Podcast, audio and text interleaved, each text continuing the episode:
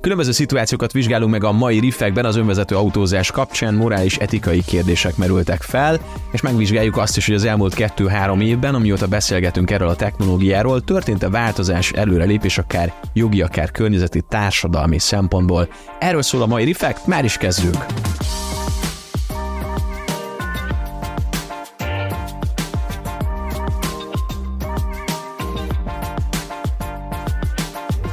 A Refekt évadzáró adásában, vagy évzáró adásában velem szemben a stúdióban dr. Prónai Szabolcs, a Szegedi Tudomány Egyetem Gazdaságtudományi Karának egyetemi docense ül. Szervusz Szabolcs. Szervusz. Egyszer már voltál a vendégünk, még a Covid időszak alatt, és azzal zártuk a beszélgetést, hogy van egy nagyon izgalmas jármű, önvezető, autózáshoz kapcsolódó kutatásotok, hogy majd erről egyszer beszéljünk. Hát eljött a pillanat, hogy beszéljünk az önvezető autókról és az ehhez kapcsolódó kutatásotokról, de első én azzal kezdeném, hogy Hol tartunk most önvezető autózás tekintetében? Ez két éve volt ez a beszélgetés, vagy már lehet, hogy három éve is voltam úgy nagyon sokat változott. Akkor így nagyon a hype cycle magas részén voltunk szerintem, mostanában egy kicsit így a háttérbe szorult. Hogy véled ezt? Attól függ, hogy mit nézünk benne. Ha megnézzük, műszakilag fejlődött persze a dolog, tehát haladunk előre, nyilván ebből adódóan egyre több probléma is felmerült. Tehát amit korábban nem gondoltak, most már mikor élesedik a helyzet, akkor derülnek ki problémák. De az egy másik kérdés, hogy mondjuk társadalmi szempontból, vagy egyáltalán ö, jogi szempontból,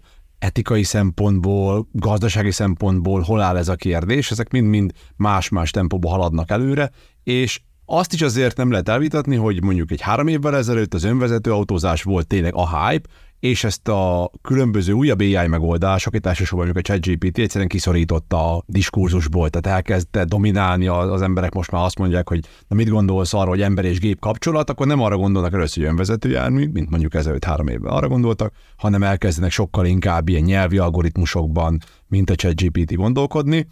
De az is igaz, hogy a, amennyire azt gondoltuk, hogy ez, ez itt van tényleg már a küszöbön, azért látszódik, hogy bizonyos értelemben igen, mert mondjuk San Franciscóban már be tudok ülni ilyen taxiba, de a széles körű elterjedését illetően kicsit óvatosabbak azért már a becslések, mint akkor voltak. Te kutatóként hogy látod? Tehát pont ez, hogy megjelent a ChatGPT, ez elveszi a kutatóknak is a figyelmét? Tehát, hogy ilyenkor egy kicsit így, jó, akkor most az önvezető autózást egy kicsit tegyük félre, vagy azért megmaradnak ilyenkor ezek a fókuszterületek, és azok, akik elkezdtek mondjuk egy hosszú távú kutatást, azt gondolom befejezik. De mondjuk, hogyha új projektet keresnek, akkor már gondolom ezek vonzóbbak. Egyrészt igen, az az előnye ennek egyébként, hogy a ChatGPT kezdte el dominálni ezt a diskurzus, hogy már nem tűnik az önvezető autózás úgy, mintha valaki csak tényleg a hype trainre ült volna föl. Mert három évvel ezelőtt, jaj, te is ezt csinálod, most nyilván mindenki ezzel erről beszél, és így nehéz volt az ennek a dolognak a komolyságát, meg az ember eltökéltségét, elhivatottságát bizonyítani, hogy hát mi ezt nem azért csináljuk, mert erre felültünk, hanem akkor elkezdtük, amikor még ez nem volt egy ennyire fölhypolt dolog. Tehát most, ha valaki a ChatGPT-vel foglalkozik, akkor sütik rá ezt a bélyeget, hogy csak azért csinálja, mert népszerű témát akar, és az önvezető autózásnál kicsit jobban elhiszik már azt, hogy komolyan veszi az ember, és ténylegesen elkötelezett a téma iránt. Hát akkor köteleződjünk el, és kezdjük az etikai dilemmákkal. Rengeteg ilyen monda van, hogy kitűsön el az autó, mikor fékezzel le, hol áll meg, a betonoszlopnak ütközik, és a többi, és a többi. Ezekben sikerült előrelépnünk. Tehát, hogy van-e már valamilyen etikai vagy morális kódex az önvezető autózáshoz? Alakul a dolog, ugye hát azt látni kell, hogy ez, ez nem az önvezető autózása jött be még eredetileg, hanem már ez egy korábban létező dilemma volt, ugye ez a trolley dilemma, angolul vagy ezt magyarul villamos dilemmának fordítják le, ami általános ilyen etikai morális kérdéseket feszegetett már, de az önvezető autózásnál ez nagyon aktuálissá vált. Miről beszélünk? hogy a legegyszerűbb ilyen trolley dilemma, hogy van egy egyenes útszakasz, ahol lelép egy gyalogos, és van egy betonoszlop a másik oldalt, mi történjen, erősük a gyalogost, vagy pedig menjünk neki a betonoszlopnak, és jó esélyen a vezetőnek lesz baja, és ezt lehet elég sokféleképpen variálni. Kilép le, hány oldalról lép le, egy oldalról lelép egy idős, hogy másik oldalról egy fiatal srác, lelép egy kutya, lelép vele szembe egy másik oldalról egy macska, tehát ez, és ezeket mindeket megcsinálták már. Az MIT a Massachusettsben ugye a, a legnagyobb ilyen technológiai fejlesztése foglalkozó intézmény csinált egy úgynevezett morálmasint, ami azt jelenti, hogy bárki most is beüti azt, hogy Moral Machine MIT, akkor ő is meg tud csinálni ilyen teszteket, tehát kap ilyen eldöntendő szituációkat, és ő dönt, hogy szerintek itt kellene elütni, ez bekerül az adatbázisba, elemzik, és akkor próbálnak felállítani egy ilyen az emberiség etikai kódexét kis túlzással. És ezeket ráadásul időről idő publikálják az eredményeket, és, és baromi érdekesek jönnek ki, akár a, a magyar területre vonatkozóan, vagy akár globálisan. Nekem most az jutott eszembe, hogyha én betáplálom oda az adatot és szavazok, és az eljut az MIT-hez, aztán egyszer ezt a tanulmányt felhasználják valóban beépítve egy rendszerbe, és jön egy önvezető autó velem szemben, én a saját problémámat okoztam azzal, hogy mondjuk saját magamra szavaztam ebben a tekintetben. Hát ugye érdekes, hogyha itt beszéltünk egy kicsit arról, hogy egyébként mik jöttek ki, mert nem csak kutatóként tartom érdekesnek, hanem hogy egy görbetűröt tart az emberiség elé az ilyen helyzet. Mert legyünk őszinték, ebben a percben, amikor beszélünk, most is valahol a világban, sajnos, statisztikailag valaki éppen egy halálos balesetet szenved, vagy okoz amit emberi döntések határoznak meg. Ugye statisztikailag a halálos kimenetű balesetek 90%-ánál magasabb arányban van emberi oka annak, és 10%-nek kevesebb, hogy műszaki ok miatt történik ez. Tehát jelenleg is döntenek emberek, másik emberek sorsáról e, ilyen helyzetekben, de ha ezt megpróbáljuk így kódolni, le, lecsupaszítani ilyen mérnöki szintű döntésekre, akkor hirtelen úgy megijedünk tőle, hogy jaj, hát ilyenre nem szabadna döntést hozni, meg hát ez itt Istent játszunk már, bocsánat a kifejezésre, hogy ilyenkor szokták mondani, hogy majd mi döntjük el, hogy ki halljon meg, de valójában, ha meg ezt műszaki szempontból nézem, valamit be kell programozni a gépbe, valamilyen kódot bele kell írni, hogy mit csináljon, nem lehet randomizálni ezt. És érdekes az eredmények tekintetében, hogy a nemzetközi kutatás, amikor publikálták, akkor 70 ezernél több volt már az adatbázis, tehát 70 ezernél több válasz. Az egyik érdekesség volt, mikor ezeket elemeztük, hogy már mi csak az eredményeket néztük, nem mi csináltuk az elemzést, hogy kivel mozogtak együtt a magyar eredmények. A szlovákokkal voltunk leginkább hasonlók, ez annyira nem meglepő, ha azt nézzük, hogy elkezdjük utána a következőt nézni, a csehekkel mozgott egyet, együtt ez a szlovák-magyar kettős, abszolút nem meglepő de hogy utána jönnek a franciák, majd utána a karibi országok, majd utána a dél-amerikai országok, és mondjuk nem a románok, nem az osztrákok, nem a németek eredményével mozgunk együtt, így mi a, az úgynevezett déli csoportba kerültünk be, ezt a kutatók úgy nevezték el az MIT-nál, hogy ez a, ez a déli régió, és aztán megnézték, hogy a, a déli régió, meg a nyugati, meg az északi régió miben különböznek egymástól. Tehát magyarán morális kérdésekben az önvezető autó kitüssen el, a déli régió, mi, mi magyarok vagyunk benne, miben tér el a másik régiótól, mi sokkal jobban védjük például a nőket.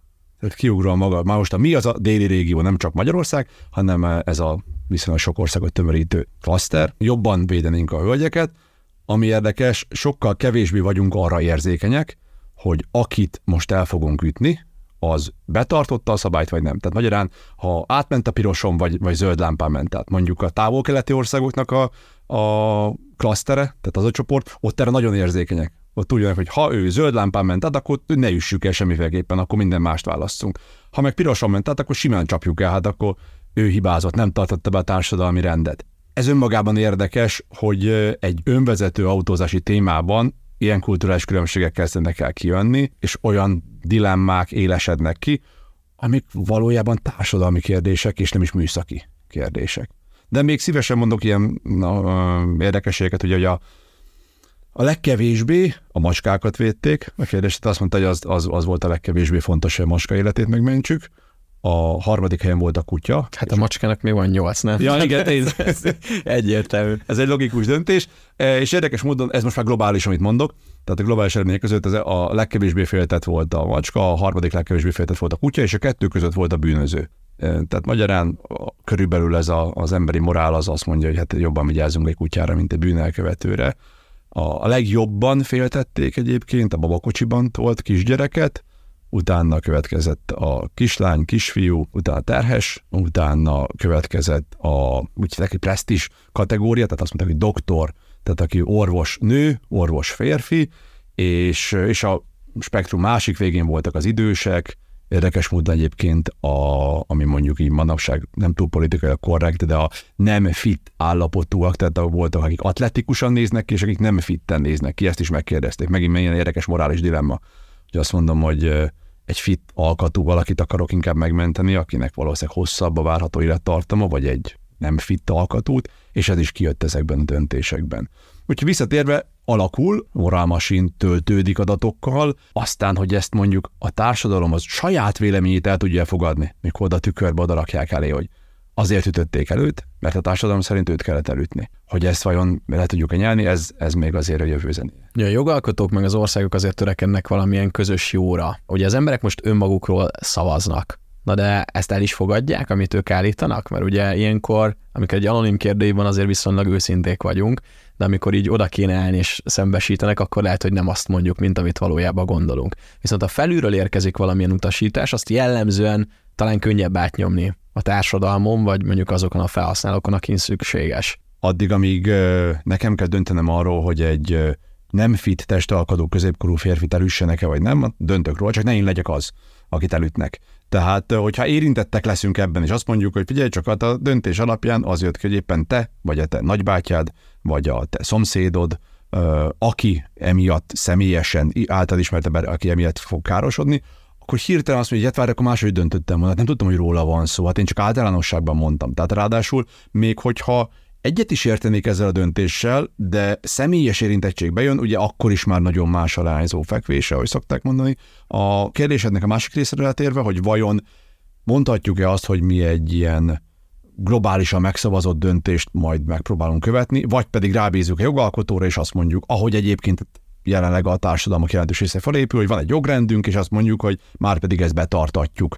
Akkor is, ha ez nem mindenkinek tetszik, adott esetben akkor is, hogyha ez nem a többség véleményét szolgálja, hiszen itt megint egy érdekes kérdés, hogy vajon a többség, tehát számszaki többség kell, hogy döntsön valamiről, vagy a, vagy a szakértelemnek kéne, legyen ebben súlya, és azt mondjuk, hogy lehet, hogy szűkebb, de szakértő csoport döntsön, hiszen a törvények jelentős része nem úgy lett kialakítva, hogy megszavaztattuk őket, hogy na, a többség ezt szeretné, hanem simán a jogalkotónak van valamilyen szándéka, és van egy ilyen vélt jó, amit ő szeretne képviselni. Tehát még az sem biztos, hogy ez a morálmasina jó irány, hogy most elkezdünk beletölteni többségi darabszámra mért információkat. Jövök az egyszerű oldalról akkor, én nem akarok senkit előtti, nem akarok senkit megölni, én csak venni akarok egy olyan autót nagyon sok pénzért, ami önvezető. És én ezt azt várom el ettől az autótól, hogy önvezető, és ha bármiféle galiba van, az biztonságos legyen. Én a saját autómnál is azt néztem meg, hogy oké, okay, megveszem az autót, számít az ára, de a második az, hogy mondjuk egy baleset után kiszállok-e belőle. Ez nekem fontos volt, hogy maga a vászszerkezet az biztonságos legyen. Ez a későbbiekben is fontos lesz. Tehát, hogyha én egy zebra felé tartok, ami mindegy, hogy pirosan vagy zölden világít a gyalogosnak, de kifut elé, akkor én azt várom el az autómtól, hogy ő engem védjen, és ne a gyalogost, és ne itt moralizáljon, hiszen én rengeteg pénzt fizettem annak a gyártónak azért a fejlesztésért, és azért, hogy én biztonságban legyek. Itt ez most nem én vagyok, de most ebbe a szerepbe kerültem. Nekik igazuk van-e? Fantasztikusan jó a kérdés több dolog miatt is. Egyrészt, ezt te vagy-e jogosult eldönteni, mire gondolok, ha én egy 96 éves szívbeteg férfi vagyok, aki ül ebbe az autóba, és kilép elém egy óvodáscsoport. Jogos vagyok én eldönteni azt, hogy igen, engem 96 éves szívbeteg férfit mentsen meg, és, és menjen át a, bocsánat azért a példáért, hogy nem akarok senkit nagyon felzaklatni, de hogy, hogy, hogy ilyen tömegbalesetet ö, okozzon, vagy azt mondják, hogy kedves Szabolcs, a társadalom döntött. Ebben a helyzetben el fogja rántani a kormányt az automata, és neki fogsz menni a betonfalnak, mert ez nem lehet a te SK személyes döntésed, hogy egy ekkora társadalmi tragédiát okozol, itt, itt alá kell vetned magad a társadalmi közjónak. Tehát ez is már önmagában egy érdekes kérdés, hogy erről hozhatok, jelenleg nyilván hozhatok, hát nálam van a kormány, tehát, de ez vajon jó megoldás-e? A, az egyik. A másik, a, hogy megvásárolom, azt mondtad teljesen más a, a helyzet, hogyha azt mondom, hogy te használsz valamit, vagy pedig a te tulajdonod. És egyre inkább az látszódik, hogy valószínűleg egyébként az önvezető autózás az nem a megvásárolt, hanem a használt irányba. És ezt most, hogy ez ilyen megosztott gazdaságbeli sharing lesz, vagy pedig vagy pedig lesznek erre konkrétan cégek, tehát nem egymásét birtokoljuk, hanem sokkal inkább a taxi modellhez fog hasonlítani, az még kialakuló félben van, de, de az látszódik, hogy valószínűleg nem a vásárlás lesz. Amit mi mértünk, ott is egyre kevésbé ö, látszódik az, hogy az emberek szeretnének ilyet venni, két dolog miatt. Egyrészt, ha én veszek valamit, akkor elvárom, hogy a fölött százszerzékba én diszponáljak, én kontrolláljam, a, azt csináljam, amit én akarok. Visszavehessen bármikor a vezetést.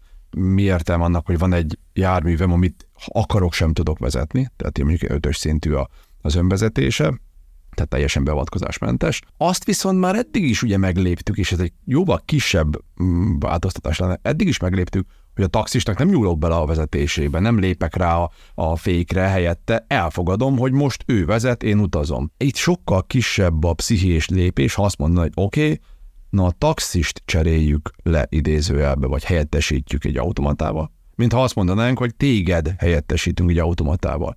Vagyis valószínűleg a használat versus birtoklásból a használat lesz inkább a, a követendő. Na és akkor itt visszatérek a 96 évesen átmehetek-e az óvodás csoporton kérdésre. Ha nem is enyém az autó, akkor eléggé könnyen magyarázható, hogy nem én döntök arról, hogy mit csinálja az autó, mert én csak utazom benne. Tehát jelenleg körülbelül ez látszódik, hogy mivel nem tulajdonolni fogják, ezért vélhetőleg egy ilyen konszenzus alapján fognak cselekedni az autók, tehát úgy lesznek beprogramozva, ami jogi szempontból is megállja a helyét, adott esetben a morálmasinnak is megfelel, és aki beül, az tudja ezeket a feltételeket, tehát vállalja, mint ahogy jelenleg is, hogyha részt veszek a tömegközlekedésbe, akkor vállalom a feltételeket. Hát meg végig görgetjük majd a 13 oldalas valamit, és rányomunk egy ok gombra, és nem tudjuk, hogy mit írtunk alá. Beszéljünk arról, ha már mondtad itt, hogy nem mindegy, hogy mi helyettünk vezeti az autó, vagy valaki vezeti ezt az autót. Ti miért értek egy kutatásban azt, hogy hogyan viselkednek az emberek, miközben egy ilyen önvezető autóban ülnek, hogy milyen agyi aktivitásaik vannak? Ez egy magyar kutatás, ezt ti csináltatok a Szegedi Reptéren, erről kérlek mesél, milyen adatok jöttek ki, milyen módszertannal dolgoztatok, hogy működik az agyunk. Mert én úgy tudom, hogy körülbelül elhisszük, hogy mi vezetjük az autót, Hát a, az egésznek az volt a lényeg, hogy ugye elkezdtünk mi közgazdász oldalról indulva, nyitottunk először pszichológusok felé a Szegedi Tudományegyetemen, és úgy hoztunk létre egy együttműködést, hogy ők a pszichológus csapat jól tud vizsgálni ilyen úgynevezett EEG eszközzel, amit bizonyára sokan láttunk, ezt az orvostudományban is használják, ilyen EEG vizsgálati eszközzel tudnak agyi hullámokat vizsgálni, és ez egy nem invazív dolog, tehát semmit nem kell más csinálni, fölveszek, mint egy úszósapkát vennék fel, egy olyasmit veszek föl, amiből elektródák lógnak ki. Egy ilyen pusztán mérő eszköz és pusztán kísérleti célra, tehát ez még egyszer fontos hangsúlyozni, nem orvosi eszközről beszélünk ez esetben. Lebírják mérni azt, hogyha én bármit csinálok, sétálok, alszok, egy játékot játszom, akkor hogyan viselkedik az agyam. Na most mi ezt használtuk arra, hogy beültettük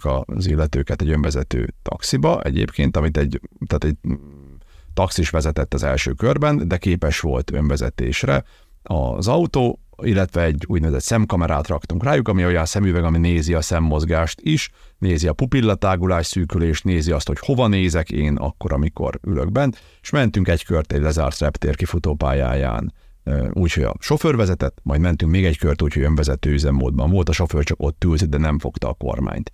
És összevetettük a különbségeket, hogy milyen érzéseket, ugye ez alapján az EEG meg a szemkamera alapján lehet detektálni érzéseket.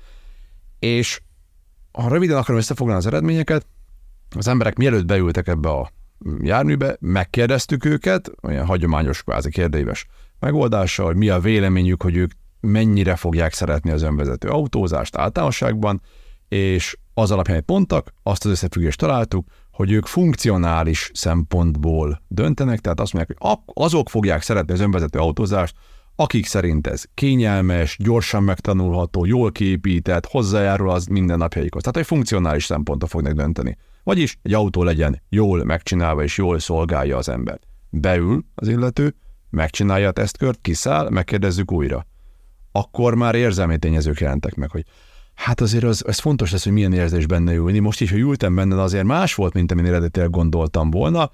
Sokan azt mondták, élmény volt, és, és egy ilyen felfokozott idegállapotú pozitív élményt is éltek meg. Aztán megvizsgáltuk az elektromos jeleket, meg a szemkamerát, és azt találtuk, hogy akik az önvezető autózás után is még szerettek volna ilyet csinálni, azoknál sokkal alacsonyabb volt a félelem szint. Akik pedig kevésbé akartak, ott egyértelműen félelemre utaló aktivitás volt. Leegyszerűsítve, ha én csak az alapján akarok dönteni arról, hogy a társadalom készen áll az önvezető autókra, hogy megkérdezem őket, akkor egy fals eredményt fogok kapni. Azt fogom kapni, hogy az emberek ilyen funkcionális kérdéseket tesznek föl, hogy hogy fognak azok majd a dugóban közlekedni, meg akkor hánykor kell indulnom reggel a munkahelyemre, meg, meg ilyeneket, míg ha valóságban ők be fognak ülni, akkor teljesen más alapján fogják megítélni, sokkal inkább érzelmi, és különösen a félelmi tényezők fognak dominálni.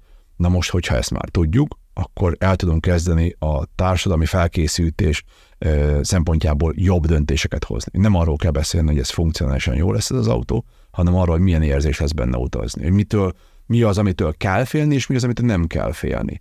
És ez adott esetben a gyártó, az autógyártóknak is egy fontos szempont milyen szituációkban és mitől félnek.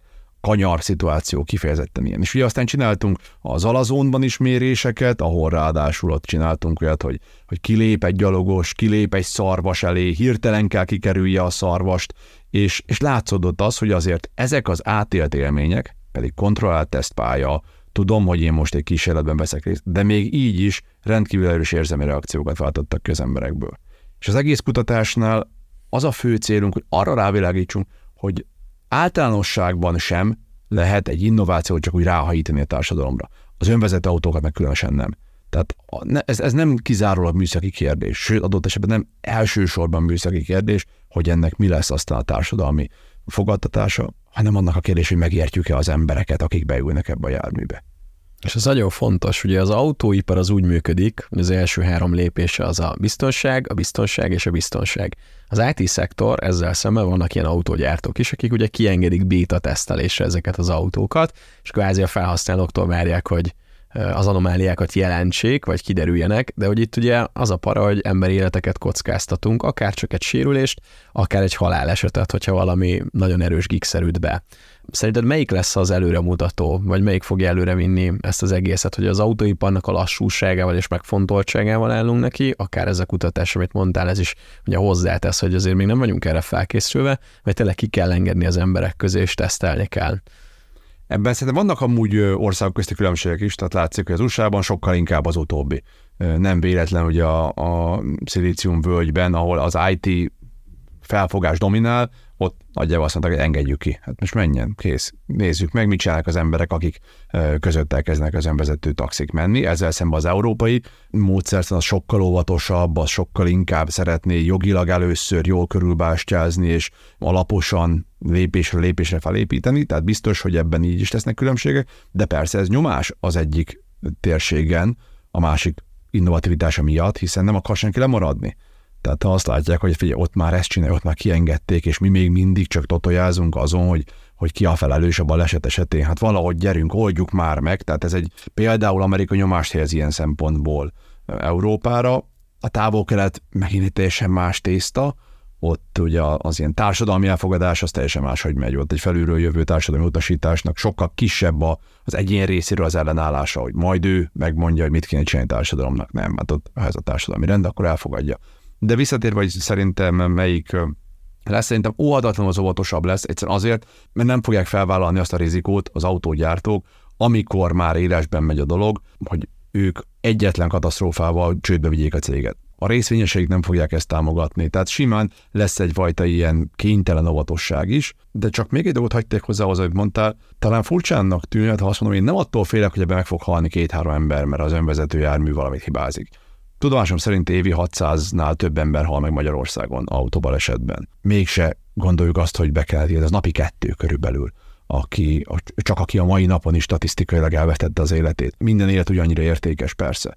De nem ez a, a fő veszélye szerintem, mert ilyen tömegesen lenne biztos, hogy nem fognak önvezető autó miatt meghalni még évekig, még valószínűleg évtizedekig. Az egy sokkal nagyobb baj, hogyha az egész innováció egy teljes társadalmi kudarcba fog fulladni. Tehát ahogy láttunk, jó néhány sikeres innovációt. Technikailag jó volt a kütyű, működött az okos szemüveg már tíz évvel ezelőtt is, és kudarc lett. Miért? Mert a társadalomra csak rá volt engedve, anélkül, hogy, hogy fölkészítették volna rá az embereket. És az itt az igazi veszély, hogy az emberek beülnek, és azt mondják, hogy atyapéleg, ez ne. Tehát ez borzalmas, ez. Én nem hittem, hogy ez ilyen. Nekem eddig nem ezt mondták erről. És lesz egy ilyen szembefordulás, nem akarok az ilyen luttábornok, gépromboló mozgalomig elmenni, de hogy de simán csak egy társadalmi ellenállás. Ez találkozik azzal a gondolattal, amit mondtál, hogy megvesszük vagy béreljük ezeket a dolgokat, mert az autók nagyjából a 90-95%-ában a garázsban állnak, tehát nem akarunk birtokolni olyan dolgokat, amik automatán maguktól visztek el A-ból B-be, közben tudok könyvet olvasni, podcastot hallgatni, bármit csinálni, de azért van egy csomó olyan ember, aki szívesen vezet autót, tehát hogy azért vezetünk. Mikor nem vezetünk szívesen autót, amikor dugóba vagyunk, vagy amikor valami nagyon hosszú útra kell mennünk. Igazából talán ez a kettő. Sőt, hát, hogyha carsharing autókról beszélünk, én is azért használom a rendszert itt Budapesten, mert több autó megosztanak a szolgáltatását, hogy kipróbálják új járműveket, mert soha nem lesz pénzem venni egy ilyen mercit, egy olyan BMW-t, meg nem is akarok, cserébe viszont kipróbálhatom pár ezer forintért. Itt a kérdésem abban az irányba fog igazából irányulni, hogy ez a sharing economy, ez hogy jelenik meg, ezt esetleg kutatták-e, vagy láttátok, hogy ebben van-e változás? Vannak-e ilyen különböző embertípusok, akik mondjuk jobban ilyen technikai beállítottságúak, jobban technokraták, vagy, vagy mondjuk vannak-e olyanok itt is, akik megjelennek, és ők azt mondják, hogy ezt nekem ne? Abszolút, az egyik kutatás irányunk ami klasszikusan, ugye én is marketing területről jövök, klasszikusan ilyen fogyasztói magatartás és marketing hozzáállás, hogy nem szabad általánosítani az embereket, csináljunk belőlük szegmenseket, nézzünk speciális csoportokat, és akkor annak mentén közelítsük meg a témát. Az önvezető autózásnál is több ilyen szegmentált kutatást csináltunk, tehát az azt jelenti, hogy megvizsgáltunk egy szélesebb populációt, és aztán kialakítottunk speciális csoportokat, és akkor vannak itt a tekőrültek például, akik már alig várják, tehát ő már szívesen most fizetne azért, hogy önvezető autóban ülhessen, a másik véglet pedig az, aki azt mondja, hogy akkor ő inkább soha többet az utcára sem megy ki, kis túlzással, ha itt önvezető autók jönnek, és nyilván a többség a két szélsőség között van. Azt a részét kell tudnunk megérteni, hogy kinek mi a, az a fájdalompontja, amire hatni kell ezekben a helyzetekben. Mire gondolok? Ha valaki attól tart, hogy ez egy rossz anyagi befektetés lesz, hogy eddig ő vett egy autót, és ö, x forintért, és ez most két x lesz, csak azért, mert önvezető, és ez egy anyagi típusú kockázat, az nagyon-nagyon másfajta kommunikációt szeretne, mint az, aki attól tart, hogy az életét fogja, vagy adott esetben a családjának az életét fogja veszélyeztetni. Mert szinte egy érdekes kérdés, ugye ez is, hogy oké, hogy én beülnék, de gyerekemet beültetném, úgyhogy én nem ülök ott. Ez megint olyan érzelmeket tud generálni, amire nem vagyunk fölkészülve, ad egy, ad kettő, nem is, sajnos nem is igazán foglalkozunk azzal, hogy mit kommunikáljunk ezekről a járművekről, azon túl, mint hogy szenzorokról beszélünk, meg balesetekről beszélünk. Tehát egyik oldalról örülünk, hogy már ilyen, ilyen olyan szenzor és AI megoldás támogatja ezt, másik oldalról rémizgetünk azzal, hogy fejreállt Amerikába egy Tesla, és közben ez nem ez a lényeg, a kettő között lenne a lényeg, hogy azokhoz az emberekhez tudjunk szólni, akiknek van viszonylag jól meghatározható ilyen félelem forrásuk, és azt megpróbáljuk megmagyarázni, hogy ez valós vagy nem. Sok esetben ez nem is valós. Tehát sok esetben olyantól fél, amit egy megfelelő műszaki jártasságú ember azt mondja, hogy hát figyelj, ilyen nincs. Ezt nem gondolod, a falnak akkor sem fog neki menni, ha akarod. Ettől ne félj, ilyen soha nem lesz. Attól félj, hogy megáll az út közepén, és ott maradsz. Az egy valós dolog, hogyha veszélyt észre, akkor megáll. Attól féljed, attól, hogy neki hajt meg a szembeforgalomba megy, meg ilyen benne. Ezekkel kell inkább foglalkozni. Mi a helyzet azzal, hogyha valaki ezt egy ilyen státuszszimbólumnak tartja? Tehát, hogy mondjuk neki kell az az önvezető autó már csak azért is, vagy kell neki ez a sima autó, mert a legtöbb autót amúgy ilyen tekintetben az emberek szerintem pont azért tartják, nem? Hogy van egy ilyen autóm, van egy olyan autóm, ez egy kicsit így elveheti ezt a játékszert, vagy ezt az ipart, vagy itt is inkább szegmensekre fogunk szétesni. Marketingesként csak az utóbbit tudom mondani, hogy, hogy itt is különböznek az emberek, de persze az autó az mindig is egy státuszszimbólum volt, amióta autó létezik. Ahogy szoktam fogalmazni, olyan ez, mint egy, egy vas maskara, egy vas kosztüm, amit magamra öltök, amikor beülök, és onnantól kezdve, akik rám néznek, az ezt a külső vas maskarát látják rajtam, ami ha nem véletlenül megnézzük az autógyártók évtizedek óta küzdenek azért, hogy az egyik autó az mondjuk presztis benyomású legyen, vagy félelmetesebb legyen, a másik kedvesebb kinézetű legyen, hogy a hűtőrács hogy néz ki, a, a fényszórók hogy néznek ki rajta, a mm, reklámban hogy jelenik meg, mind-mind próbálják így antropomorfizálni, tehát emberiessé tenni az, a, az autót, hogy, hogy én leszek ettől sportos, én leszek fényűző, én leszek félelmetes, mert egy ilyen kisugárzású autóba ülök be. Tehát ez egy nagyon fontos dolog. Ezt, hogyha A, az autó ilyen kis dobozna fog kinézni, az, az már elveszítette rögtön, tehát ilyen szerencsétlen kis telefonfül. Nem fogják kiengedni a valódi autósok. Én is azt veszem észre, egyik barátnőmnek a kocsiját néha megkapom, ez egy pici Honda Jazz, én tudok imádom azt az autót, de hogy kikanyarodni egy kereszteződésből nem tudok percekig, az is biztos. Hát hozzáteszem a másik részének, egy barátom, akinek S-osztályos mercedes azt mondja, hogy próbálok kitolatni, de senki nem engedem mindenki ugyan vele. Jó lesz neked ott majd, én majd szépen azt mondja, hogy Suzuki Swift azonnal kibírok tolatni, mert azt mondja, jó van, szerencsét lejöjjön ki. A, tehát ez mind a kettő ö, biztos igaz, de amikor egy ilyen nevetséges kinézetű, mert már most bocsánat, de egy része ezeknek azért tényleg ilyen inkább nevetséges kinézetű az önvezető ö, a tesztautóknak, akkor azt mondom, hogy én ezt cikinek tartom, hogy ilyen beülök be az egyébként nagy presztízsű autóm helyett, Mm, ez a része is, meg hát simán az, hogy ha ez egy sharing economy megy át, akkor én elveszítem ezt a státuszszimbólumot. Ami lehet, hogy egyébként nekem szerves része volt az én képemnek. Hát kutattuk ezt is még más nem önvezetős témában, hogy a saját én képednek mennyire fontos szerepe van abban, hogy milyen automárkához ragaszkodsz. És adott esetben olyanhoz ragaszkodsz, amilyet lenni szeretnél. Tehát én világéletemben szerettem volna egy annyira menő lenni, mint egy BMW ezért én imádom azt, hogy BMW-n beülök be, és nekem ez sokat jelent az életemben. Ha ezt elvennék, és egy funkcionálisan ennél jobb önvezető autót kapnék sharing economy cserébe, nekem az rossz. Hiába lenne funkcionálisan jobb, én veszítettem valamit. Nem csak arról van szó akkor, hogy gyártjuk meg, ki akarjuk kutatni azt, hogy milyenek legyenek az önvezető autók, itt azért jelentős mértékben a társadalmon fog múlni az, hogy ez tényleg sikeresen elterjed Még egy dolgot árulj el, esetleg, hogy erre van-e kutatás, vagy akár saját véleményed, hogy hogyan viselkedünk az autóban belül. Mert erről is volt pár szó, például az egyik ilyen robottaxit azért állították le, mert hogy hát hogyan mondjam, légyotokra használták ezeket az autókat, mert rájöttek, hogy milyen jó, hogy ott bezárkoznak San Francisco közepén, és elviszik őket A-ból B-be, és akkor ott van egy szabad terük. Tehát ez, hogy hogyan viselkedjünk belül, mert gondolom ezek azért be vannak kamerázva, be vannak, nem tudom, különböző mikrofonozva, hogy azért tudják azt, hogy mi történik, ha valami gáz van, vissza kelljen nézni, ezekre a safety feature-ökre szükség van. Tehát, hogy máshogy viselkedünk-e, lazábban, etikátlanabbul, morál lokat eldobva viselkedünk, vagy meg kell tanulnunk itt is mondjuk, mint ahogy felszállunk a BKV-re, amit említettél, viselkedni. Nagyon jó a kérdés, mert ez most a legújabb kutatási irányunk, hogy nem is feltétlenül csak a viselkedést, hanem azt próbáljuk elkezdeni feltárni, hogy ha én beülök egy önvezető autóba, milyen impulzusok érnek engem, mondok egy egyszerű, szól nekem az autó, hogy vigyázz, éles kanyar következik az hogyan hat az én élményértékelésemre. Tehát az, hogy az, már csináltunk olyan kutatásokat, hogy amikor csak szimulált helyzetben, tehát nem valós önvezetésben, vett részt, és néztük, hogy hova néz, mennyi ideig nézi a műszerfalat. Tipikusan mondjuk, amikor először beül egy ilyen autóba, vagy egy szimulált helyzetben először látja ezt, akkor az első megdöbbenés akkor, amikor a kormány megmozdul. Tehát nem is akkor, amikor az autó elindul, mert azt már nagyjából tempomat, meg egyéb dologgal átéltük a mindennapokban, hanem amikor elindulunk, és látja, hogy a kormány forog úgy, hogy nem forgatja senki. Akkor iszonyatosan sok fixáció van a kormányon. Utána szintén összefügg mondjuk a félelemmel az, hogy mennyit nézek kifele, meg mennyit nézek befele.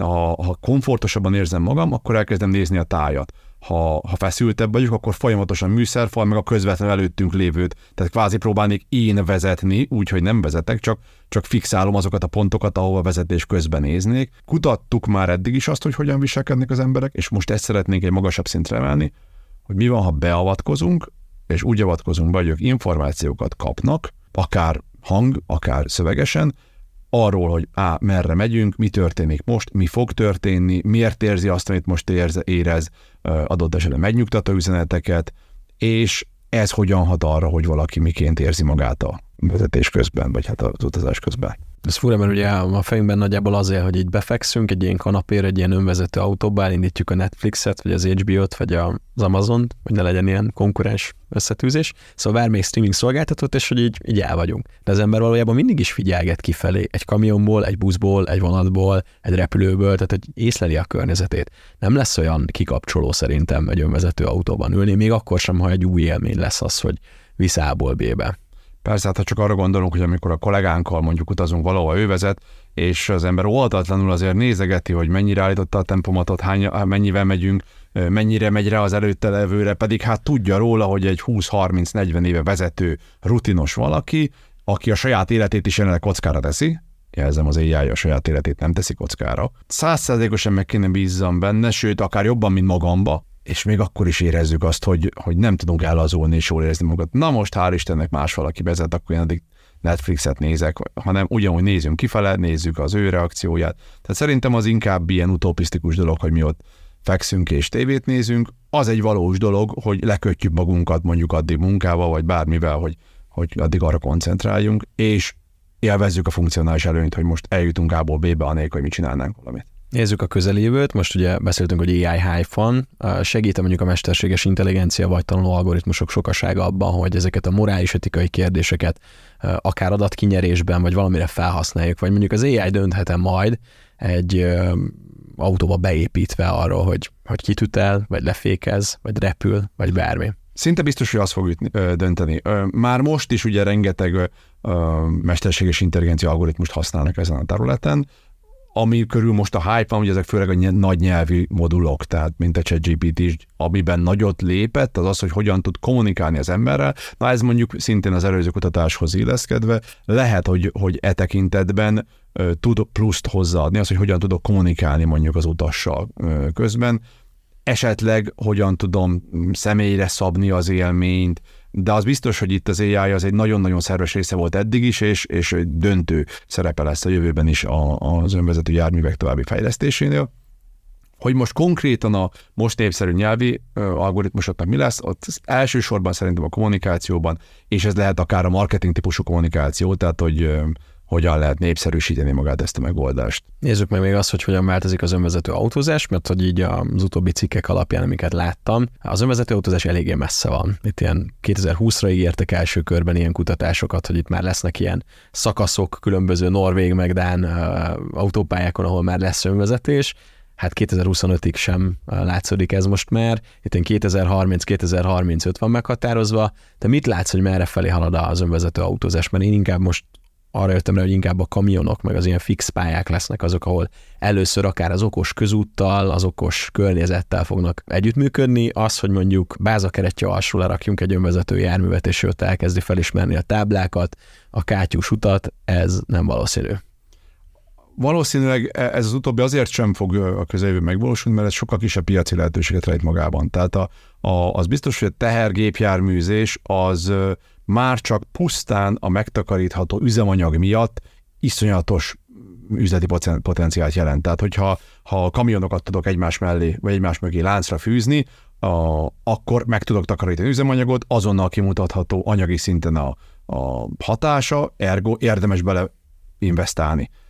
Ha megnézem ezt egy egyénnek a szintjén, hogy ő önvezető autóval megy vagy nem, ott elég néz kimutatni a hirtelen jelentkező profitot az ő életében, sőt, adott esetben a tanulás miatt ez egy nettó negatív dolog. Tehát neki újra kell tanulnia, elveszíti a vezetés élményét. Sokkal kevésbé látszódik az, hogy az ilyen pláne nagyon széles körben elterjedő önvezető járműveknek lesz piaci megtérülési mm, relevanciája, vagy tehát ténylegesen meg fog térülni. Tehát véletőleg egyik oldalról a tehergépjárműzésnél vannak lehetőségek, ugye jóval könnyebben is koordinálható a dolog, tehát sokkal kevésbé van benne egyéni eltérés, tehát ők már most is számtalan szempontból be kell, hogy tartsanak dolgokat, míg egy egyén beül bázakeretje alsón, vagy amit mondtál, hogy most ő elkezd valamit itt driftelni, erre nem nagyon van ráhatás, kamionosok ritkán driftelnek. Tehát ez, ez egyrészt igaz, hogy ott lesz előrelépés. A másik az pedig a városi közlekedésen belül. És van egy szempont, amit még nem említettünk, de talán még itt a vége fele